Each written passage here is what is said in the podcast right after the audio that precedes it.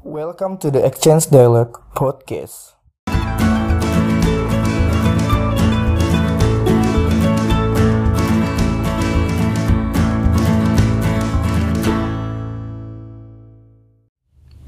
Podcast ini adalah tempat untuk berdiskusi. Di sini, kami akan membicarakan sebuah obrolan singkat dan padat yang dikemas dengan santai. Kami akan membahas tentang pekerjaan dan kegiatan sehari-hari. Thank you for listening Exchange Dialogue.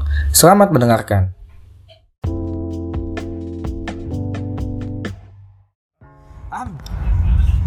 Kembali lagi ke Exchange Dialogue Podcast bersama gue Albasid. Nah, kali ini nih gue kedatangan seseorang yang ternyata juga podcaster. Beliau punya channel podcast di kayaknya ngikutin po- ngikutin podcast gue sih, ngikutin podcast gue sih sama Gasi. Gue dipanggilnya beliau aja. Dia ngikutin podcast kita ya. Jadi eh tainya nih kita bikin podcast, nih orang bikin podcast, tapi nggak nggak masalah. Jadi boleh ngomong tai nih di sini. Ya dikit-dikit nggak apa-apa lah. Oke, perkenalkan nggak? Tadu tadu. Sebelum sebelum sebelum kenalan, sebelum kenalan, ini akhirnya Agas datang lagi nih. Weh, gue balik lagi coy setelah sekian lama karena gue sibuk membangun negeri ini. Jadi gue nggak sempet bikin podcast. Akhirnya gue berkesempatan lagi nih bersama bintang tamu kita hari ini, Mas. Halo, saya Jaja dari The Walking Dead. tapi tapi tapi tapi kayaknya kesibukan Agas itu bukan bukan bukan ngurusin negeri sih. Gue nggak percaya. Sebetulnya dia lebih eh, mensibukkan dirinya karena beliau sebelum menjadi eh, apa namanya tuh pen- penjual toko baju, dia juga Penjual ba- toko toko eh, ya. baju. Berarti, dia, iya. berarti dia jualan tokonya Eh, dong. Harusnya gitu sih kalau udah kaya. Tapi masalahnya kan belum kaya nih. Hmm. Nah, ini si monyet ini ternyata sibuk sibuk ini cuy. Jualan apa namanya roti buaya ya kan? Gua- Pak boy jaksel banget gak lu Boy jasel banget. Dan selain itu juga gue sedang merintis musik karir Oh, gue. iya. eh. Imo rap, imo rap. tunggu, tunggu, tunggu tunggu tunggu tunggu. Kita mau bahas apa sih? Kita Oh, mau iya. bahas apa sih? Iya, jadi hari ini kita mau membahas Ayo Mas Arga, perjalanan eh, kuliah di Belanda nih kita mau ngomong tentang perjalanan kuliah di Belanda tapi anyway ada teman kita yang mau kuliah di Belanda juga kan Oh, betul, betul, betul. Iya, iya. Shout out to Shout out banget buat- Kayla. Kayla Linet. Oh, namanya itu. ya? Gak tahu sih. Kai, Kaila. Oke, gimana sih ceritanya? Ceritanya eh, mungkin mungkin mungkin mungkin eh, ceritain biografi lu dulu kali. Kenapa lu bisa mau kuliah di sana? Terus eh, apa apa aja sih aksesnya buat ke sana? Mungkin banyak banget eh, pendengar-pendengar podcast nih yang pengen banget kuliah di luar negeri tapi belum dapat relasi yang kuat sehingga belum dapat akses buat kuliah di luar negeri. Nah, mungkin lu bisa ceritain dari awal dulu. Ah, jadi itu gua awalnya itu gua mau mau kuliah di gua mau kuliah aja sih sebenarnya. Tapi waktu itu gua udah udah dua, eh, udah tiga tahun gua gua kerja di eh, salah satu konsultan keuangan di di Jakarta. Eh gua rapi-rapiin CV gue waktu itu terus gua coba daftar ke beberapa sekolah tapi kembali lagi karena saya tidak punya uang banyak ya jadi saya daftar sekolah yang tidak pakai GMAT karena GMAT tuh bayar lagi selain lu bayar IELTS bayar GMAT juga Nah, Dan nah. susah. Nah, nah, ini mungkin bahasanya agak sedikit awam kan. GMAT itu apa sih? GMAT itu tes yang saya karena saya nggak pernah ambil juga saya nggak tahu isinya apaan kenapa sih megang-megangin tangan gue Cinta gue. ya, ya Allah Nah, jadi gue punya pertanyaan nih buat lu nih. Dari semua negara yang ada di dunia, kenapa lo ambil Belanda? Gue waktu itu ya cut. Biar narasumber lagi. gue sebenarnya gue gue pilih di situ satu waktu itu eh gue ada keluarga di sana eh dua eh, Cukup lah bahasa Asia, Pak- tolonglah dijelasin. Pak D gue itu Alasan. alumnus sana juga Jangan kebanyakan terus eh, sekolah yang gue pilih itu eh, waktu itu 100 besar di Sana. di dunia di 100 besar di dunia untuk ambil untuk ekonominya jadi gua eh, ambil yang bagus dong udah jauh-jauh masa sekolah jelek Nah, terus lu ngambil jurusan apa? gua ambil finance gua Di- ambil finance ambil sama ambil hikmahnya ambil hikmahnya. Tapi tapi uh, ada perbedaan nggak sih diferensiasinya tentang pendidikan di Indonesia sistematisnya seperti apa? Terus di sana ada juga poin-poin yang kayak perbedaan culture-nya ya kan? Nah itu gimana cara adaptasinya sih? sebenarnya sih kalau untuk eh, sekolahnya sendiri sih sebenarnya sih sama-sama aja ya Ah. sama harus sama-sama harus belajar ya Bedanya sono bahasanya dong Bang. bahasa gue di sana pakai bahasa Inggris karena gue kenapa gue pilih Belanda juga satu eh, di Eropa itu lebih murah daripada lu sekolah di Australia atau di Amerika Oh gitu. Ha-ha. dan eh, salah satu yang bahasa Inggrisnya paling banyak dipakai itu di Belanda. Di Belanda. Jadi di Belanda itu 90% orang berbahasa Inggris. Kalau gue sekolah di Jerman, gue harus belajar bahasa Jerman, duit lagi dong. Duit lagi gue harus kursus, aduh gue cari yang murah aja. Kalau di Inggris eh, itu lebih mahal eh, biaya hidupnya. Karena kalau di Belanda itu biaya hidupnya nggak terlalu mahal lah Oke. masih terjangkau. Jadi kalau boleh cerita juga, gua untuk gambaran teman-teman nih, kalau yang mau kuliah di sana, uang jajannya harus berapa sih? Ya kan itu salah satu yang dipikirin juga tuh. Kalau gua waktu itu, gua tahun 2016 eh, uang jajan gua 970 euro Sama dengan kalau dirupiahin berapa? Pada tahun itu ya? pada tahun itu. Pada tahun Tapi inflasinya euro ke itu nggak terlalu banyak lah nggak kayak di Indonesia inflasinya jadi gua waktu itu 970 euro itu gua eh, untuk apartemen gua itu sekitar 500 euro jadi gua sisanya duit gua tuh 370 ya Iya. 500 euro itu gue udah dapat eh, apartemen yang oke banget studio apartemen gedungnya baru dekat sekolah dekat city center jadi kalau ke kampus gue bisa naik sepeda atau naik skate kalau ke city center gue juga masih bisa naik sepeda atau skate jadi kalau gue mager gitu lagi pengen pakai umum jadi masih nggak terlalu mahal Ya, jadi lu di Belanda tuh anak cashboard gitu ya. Oh ya, cashboard gue bray. Banget. By the way kalau soal ini di luar pendidikan kali ya kalau misalkan kayak makan dan bernongkrong-nongkrong ria nih. Kan kalau di sini mungkin kita bisa menghemat dengan angkringan nih Yes, atau warteg nih. Kalau di sana gimana nih lu meminimalisir pengeluaran uang lu nih? Kalau gue itu lebih banyak masak, masak. Masak lebih murah. Karena kayak gue 200 euro itu bisa untuk sebulan lah Oh. untuk masak.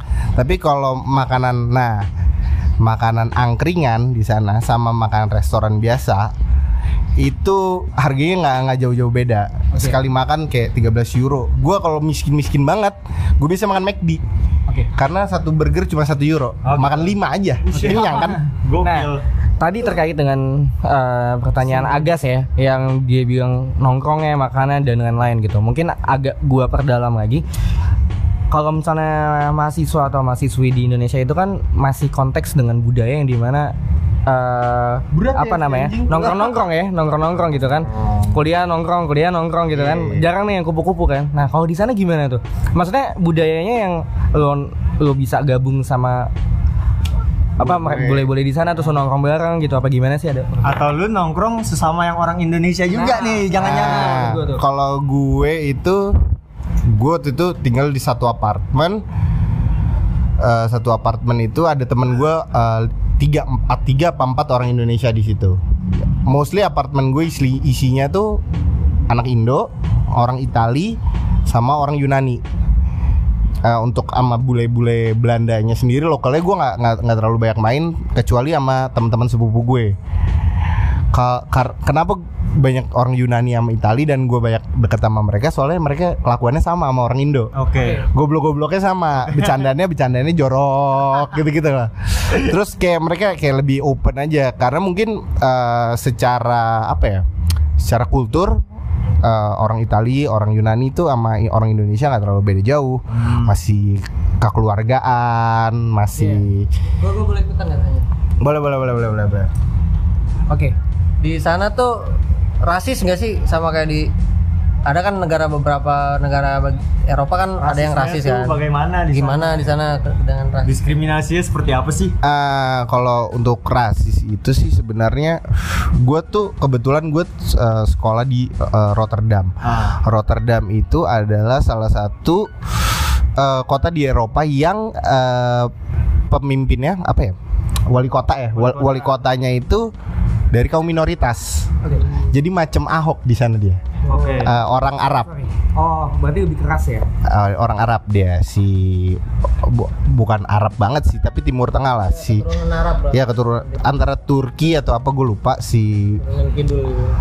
si uh, wali kotanya. Jadi sebenarnya nggak terlalu ber- berasa sih di Rotterdam itu karena di Rotterdam uh, lumayan diverse isinya orangnya banyak orang Turki, banyak orang Maroko, banyak orang. Tapi kalau di kota-kota yang lebih kecil, kalau di kota-kota yang lebih kecil, uh, gue pernah waktu itu lagi pergi malam sama sepupu-sepupu gue, sepupu-sepupu gue pada bule-bule semua yang orang orang coklatnya cuma gue sendiri waktu itu. waktu itu gue eh, di kota di Den Haag waktu itu. Gue berapa kali lagi lagi joget di disuruh ngosongin kantong sama eh, bouncernya. Dikira gue bandar kali ya atau apa gitu. Soalnya mau iya di, juga sih di- by the way. di satu klub itu yang kulit coklatnya gue doang tapi waktu itu kita sampai berantem sama bouncernya teman sepupu gue bilang "Eh, lu jangan kayak gitu ini tamu gue dari jauh Berarti secara nggak langsung sebetulnya agak pengelompokan ya. Segmentasinya juga cukup kuat ya. Misalnya kayak kayak tadi lu bilang di apartemen lo orang Itali, ya Yunani, Indo gitu kan. Maksudnya lebih kayak mengkotak-kotakan gitu yang nggak kalau misalnya mungkin ada persamaan dengan di Jakarta gitu kan. Semua orang masuk ke Jakarta nih. Misalnya kayak dari Padang, dari Palembang, dari Surabaya atau dari Punya mana. Nah, tapi maksud gua ada klasternya gitu ya. Iya, iya. Berarti lebih ke bentuk komunitas sebetulnya di sana. Komunitas gitu ya. bener bener bener jadi di gue tuh eh, tinggalnya tuh di daerah yang dekat kampus yang agak banyak pendatang. Jadi banyak orang Turki banyak orang Maroko. Jadi waktu itu gue kayak eh, toko daging halal gitu-gitu banyak tuh. terus kayak eh, street food street food.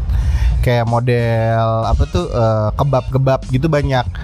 Dan rumah gue deket masjid juga makanya gue pilih rumah di situ. Emang emang sholat? Sholat saya, Sholat. tapi saya pernah diusir dari dari dari masjid gua, diusir waktu itu. Sama ini nih, gue penasaran kalau nggak salah tuh di Rotterdam itu terkenal sebagai kota port tersibuk kayak. Port tersibuk. Port itu dermaga atau pelabuhan ya?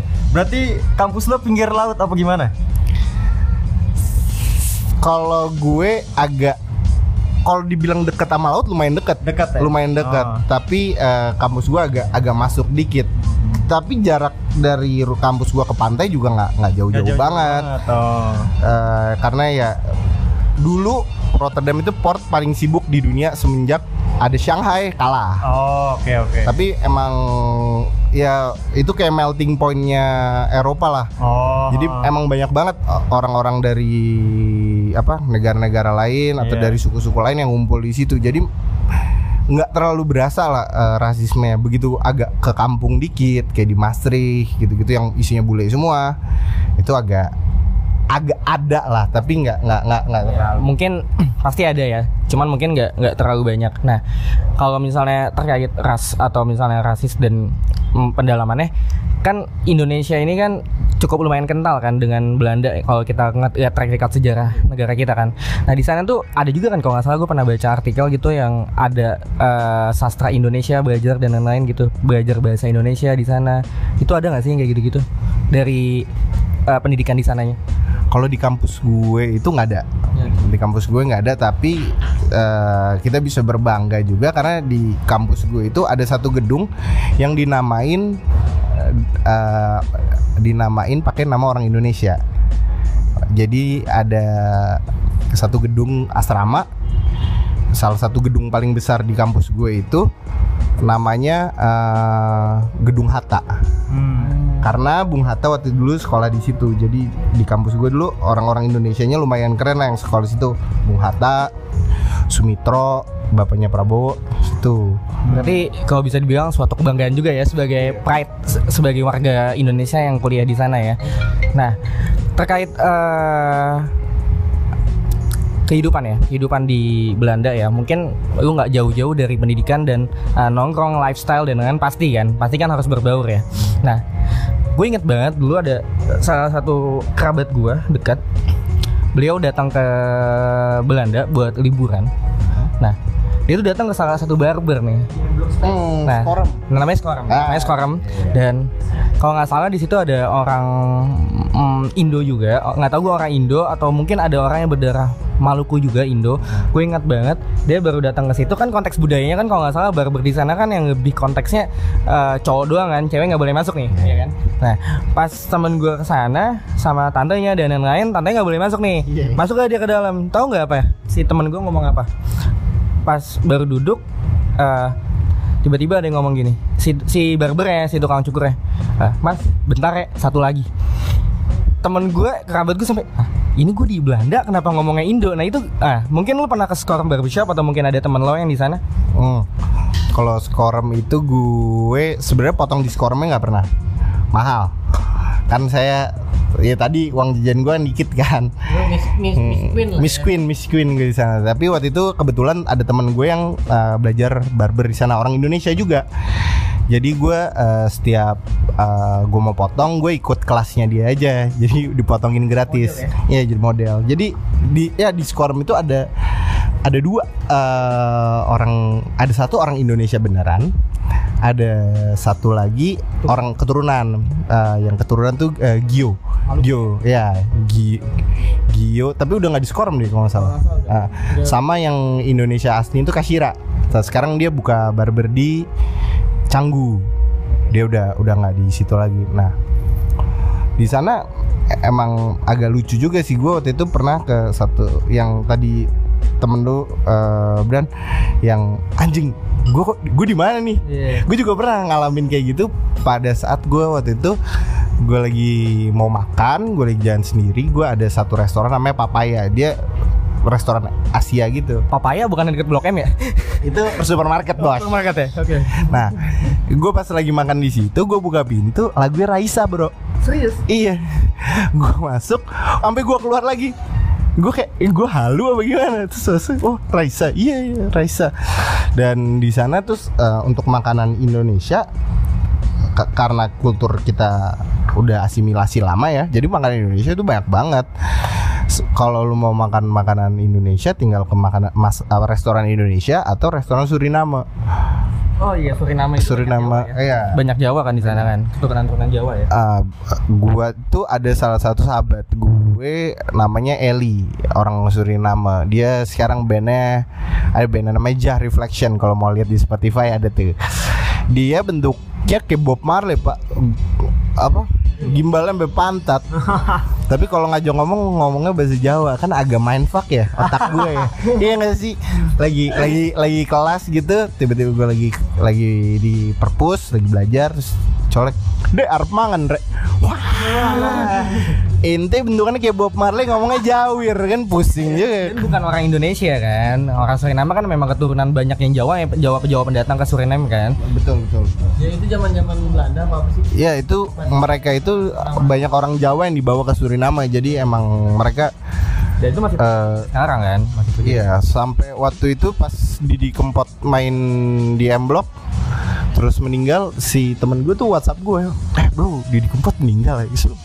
Tahu-tahuan Didi Kempot, iya bro itu udah legend banget di Suriname gue kira itu media Indonesia saja melebih-lebihkan. Iya, ter- iya. Sampai sana juga ya. berarti kalau di sana lu nggak terlalu merindukan Indonesia ya dengan banyaknya hal-hal Indonesia di sana. Wah, mau teh botol gampang. Mau tolak angin ada Indomie wah kalau Indomie mah banyak banget sampai di kampus gue emang jualan Indomie Wah gila. yang Berapa Indomie sana? Indomie sana berapa? Indomie itu 30 sen lima- 30 sen itu berapa kalau di Indonesiain pada saat itu? Bulat. 7000. Berarti sama ya kayak warkop ya. Iya, tapi bedanya masak sendiri. Nah, nah, nah. Terkait eh, apa ya? eh, mungkin dari ke- kebebasan eh, hukum atau politik. Mungkin kan kita ada persamaan dikit ya, ya kan? Beda- apa namanya hukum hukum kita yang dipakai di sini kan? Mungkin ya, mungkin ada per- persamaan, ya nggak sih? Eh, karena basis hukum Indonesia itu sebenarnya dari hukumnya Belanda Nah, basisnya kan. Tapi eh lu menanggapinya gimana nih? Mungkin dari kebebasan pergaulannya atau misalnya open mindednya orang sana dengan sana itu gimana tuh? Mungkin bisa lu ceritain yang boleh diceritain sih lebih tepatnya. Nggak, kalau itu sih sebenarnya nggak sebenarnya ya bedanya kayak kalau di, di- kita kan kayak kumpul kebo tuh kalau bisa nggak ketahuan nyokap lah ya. Kalau di sana kayak waktu itu uh, salah satu sepupu gue pas ulang tahunnya dia dia dia menyatakan dia bakal move in bareng pacarnya. Terus kayak anjing dia kumpul kebo ngomong-ngomong ke ya. Kalau kita mah kalau kita kan kalau bisa di Ngomong-ngomong kita di sini dirajam. Iya benar. Nah ya ya mereka kayak gitu dan di di yang gue lihat di Belanda itu eh, apa ya tempat ibadah agak sepi sih. Ya sepi. Masjid gereja itu sepi, rame paling isinya kakek-kakek, nenek-nenek. Makanya gue waktu itu jumatan pernah diusir tuh, gara-gara gue pakai baju gambar Sex Pistols. Ah, itu kan isinya kakek-kakek kan yang pasti. Ya lu tau lah kakek pemainnya lagi keluar lu. Gila. Tapi tapi mungkin yang eh, yang bisa disimpulkan mereka mungkin kalau untuk soal agama lebih ke pribadi masing-masing kan, nggak yang terlalu mencampuri pendapat atau pandangan orang lain gitu kan. Itu yang mungkin lebih independen di sana. Ya. ya ya benar sih. Kayak gitu ya. Lu bayangin aja di sana cimeng legal prostitusi legal udah kayak Sodom dan Gomorrah gitu tapi eh, apa namanya crime rate-nya emang rendah Jadi hal-hal itu di sana legal ya. legal Tapi kamu enggak kan? aku sih enggak Oke. Ya. Tapi kan itu kan hanya mungkin cerita masa lalu kan, tidak bisa disamain dengan misalnya lo bandelnya di sana, terus lo implementasikannya di Jakarta atau di Indonesia. Oh nggak bisa lah kalau di, di sana itu eh, yang menurut gue bagus adalah pem- pemakai narkoba di sana itu eh, dianggapnya pemakai bukan pengedar. Beda sama di sini. Di sini lu bawa satu linting ganja bisa ditangkap berapa tahun lo? Empat tahun. Kalau di sana lu bawa apa namanya? Misalnya lu bawa kalau kalau apa kalau cimeng kan legal kan. Tapi di atas 8 gram Itu legalnya ini diluruskan di legalnya di Belanda ya. Nanti jangan sampai pendengarnya salah paham legalnya di Indo lagi. Legalnya di Belanda. Nah, Iya itu 8 gram yang paling banyak lu bawa. Di di di atas eh, cannabis dan lain-lain itu dibilangnya hard drugs. Kayak misalnya ecstasy, MDMA gitu-gitu. Tapi kalau lu bawa kayak dua butir gitu ya, itu ketahuan polisi, ya lu nggak bakal diapa-apain juga Hmm. karena ya lu pemakai yang di yang diincernya itu pengedarnya. Oke. Jadi, kalau misalkan lu cuman bawa dua butir barang bahannya disita apa enggak? Dibalikin, dibalikin, balikin. Dibalikin waktu itu temen gue. Oke. Mungkin sudah cukup lama nih. Sekitar 22 menit. Hmm. Mungkin ada kesimpulan yang eh, atau saran buat nih adik-adik nih yang mau kuliah di luar negeri dari terkait pendidikannya terus eh, pergaulannya gitu kan. Karena kan mungkin ada perbedaan budaya yang sangat-sangat beda. Jangan sampai nanti akhirnya pengen sukses di luar tapi mengikuti pergaulan di sana karena kan kalau kita kan lebih yang mungkin dari asas kekeluargaannya, asas hadapnya kan beda-beda ya. Jangan sampai udah jauh-jauh ke sana yang niatnya harusnya untuk belajar malah cuma jadi gaul-gaul-gaul nongkrong demi instastory doang akhirnya sekolahnya di sana. Jangan Oke. sampai. Gimana gimana gimana nih? Kalau menurut gue ini ini ini yang banyak kejadian. Gue mindsetnya tuh kayak oke gue mau mau sekolah di luar negeri sampai sana gue nggak mau main sama, sama anak-anak orang Indo. Hmm. Itu itu ada tuh yang kejadian tuh kayak gitu. Kalau menurut gue itu juga jangan juga. Karena teman-teman lu yang di Indo once lu balik ke Jakarta, mereka pasti jadi teman-teman yang bisa bantu lu kan. Kalau lu lu tanya sama mereka sampai sini ternyata bapaknya dia punya pabrik apaan gitu lu, lu daftar, oh ini jangan Pak, entar akhirnya tanya si Gibran waktu itu nggak mau main sama orang Indo. Ya, itu kelar lu. Tapi jangan juga lu main sama orang Indo doang juga. Maksudnya main main sama semua orang. Jadi jadi orang yang baik. Merepresentasikan Indonesia itu sebagai uh, negara yang baik, orang-orang yang pinter. Soalnya eh, kayak teman-teman gue yang dari Yunani tuh udah dipandang sebelah mata sama orang-orang lokal karena ah lu dari negara miskin lu bego-bego semua lu yang ah jangan sampai kayak gitu.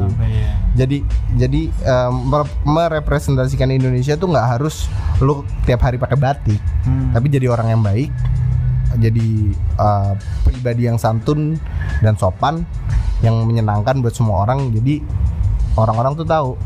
Karena lu lu di tempat lain lu jadi dutanya kan? Iya ya kan? Lu represent eh, negara lu jadi jadi jangan tengek lah pokoknya Oke. kalau menurut gue sama kalau pilih sekolah yang benar asal sekolah luar negeri aja maksudnya lu pak pilih lah sekolah yang yang salah satu yang terbaik atau yang apa jangan jangan lu luar negeri tapi sekolahnya kalau di Indonesia masih bagusan di Indonesia menurut gue sayang aja sih kayak gitu sama cari koneksi yang banyak temen Dan orang-orang Setelah lulus mau kerja di Indonesia lagi seperti lo atau mau di luar negeri itu pilihan ya. Ya itu pilihan sih. Tapi kalau di Belanda bisa, lu bayar satu tahun untuk gap year di sana, habis lulus, namanya Zukyar, lu bisa bayar, ntar lu dap, uh, permit lu diperpanjang untuk cari kerja selama setahun. Tapi kalau lu mau kerja di Belanda, lu harus bisa bahasa Belanda. Oke, nih podcastnya kayaknya spesial banget ya buat teman kita yang mau ke kuliah di lu- luar negeri ya. Oke, terakhir mungkin ada yang mau dipromosin podcast lu yang yang ngikut-ngikutin kita nih. Anjay, jangan lupa uh, dengarkan selalu di semua platform digital Anda. Anjir. Banyak bro. Kill. The Walking Dead kita bikin apa ya? Eh, podcast tentang bapak-bapak yang mau mengurus anak di zaman edan ini. zaman berat ini ya itu aja sih. Oke. Terakhir kata, gua Albasit Eh, gua Adit. Dan gua Gasi. dan narasumber spesial kita kali ini. Jaja dari The Walking Dead. Sampai jumpa di episode episode selanjutnya. Bye. Bye.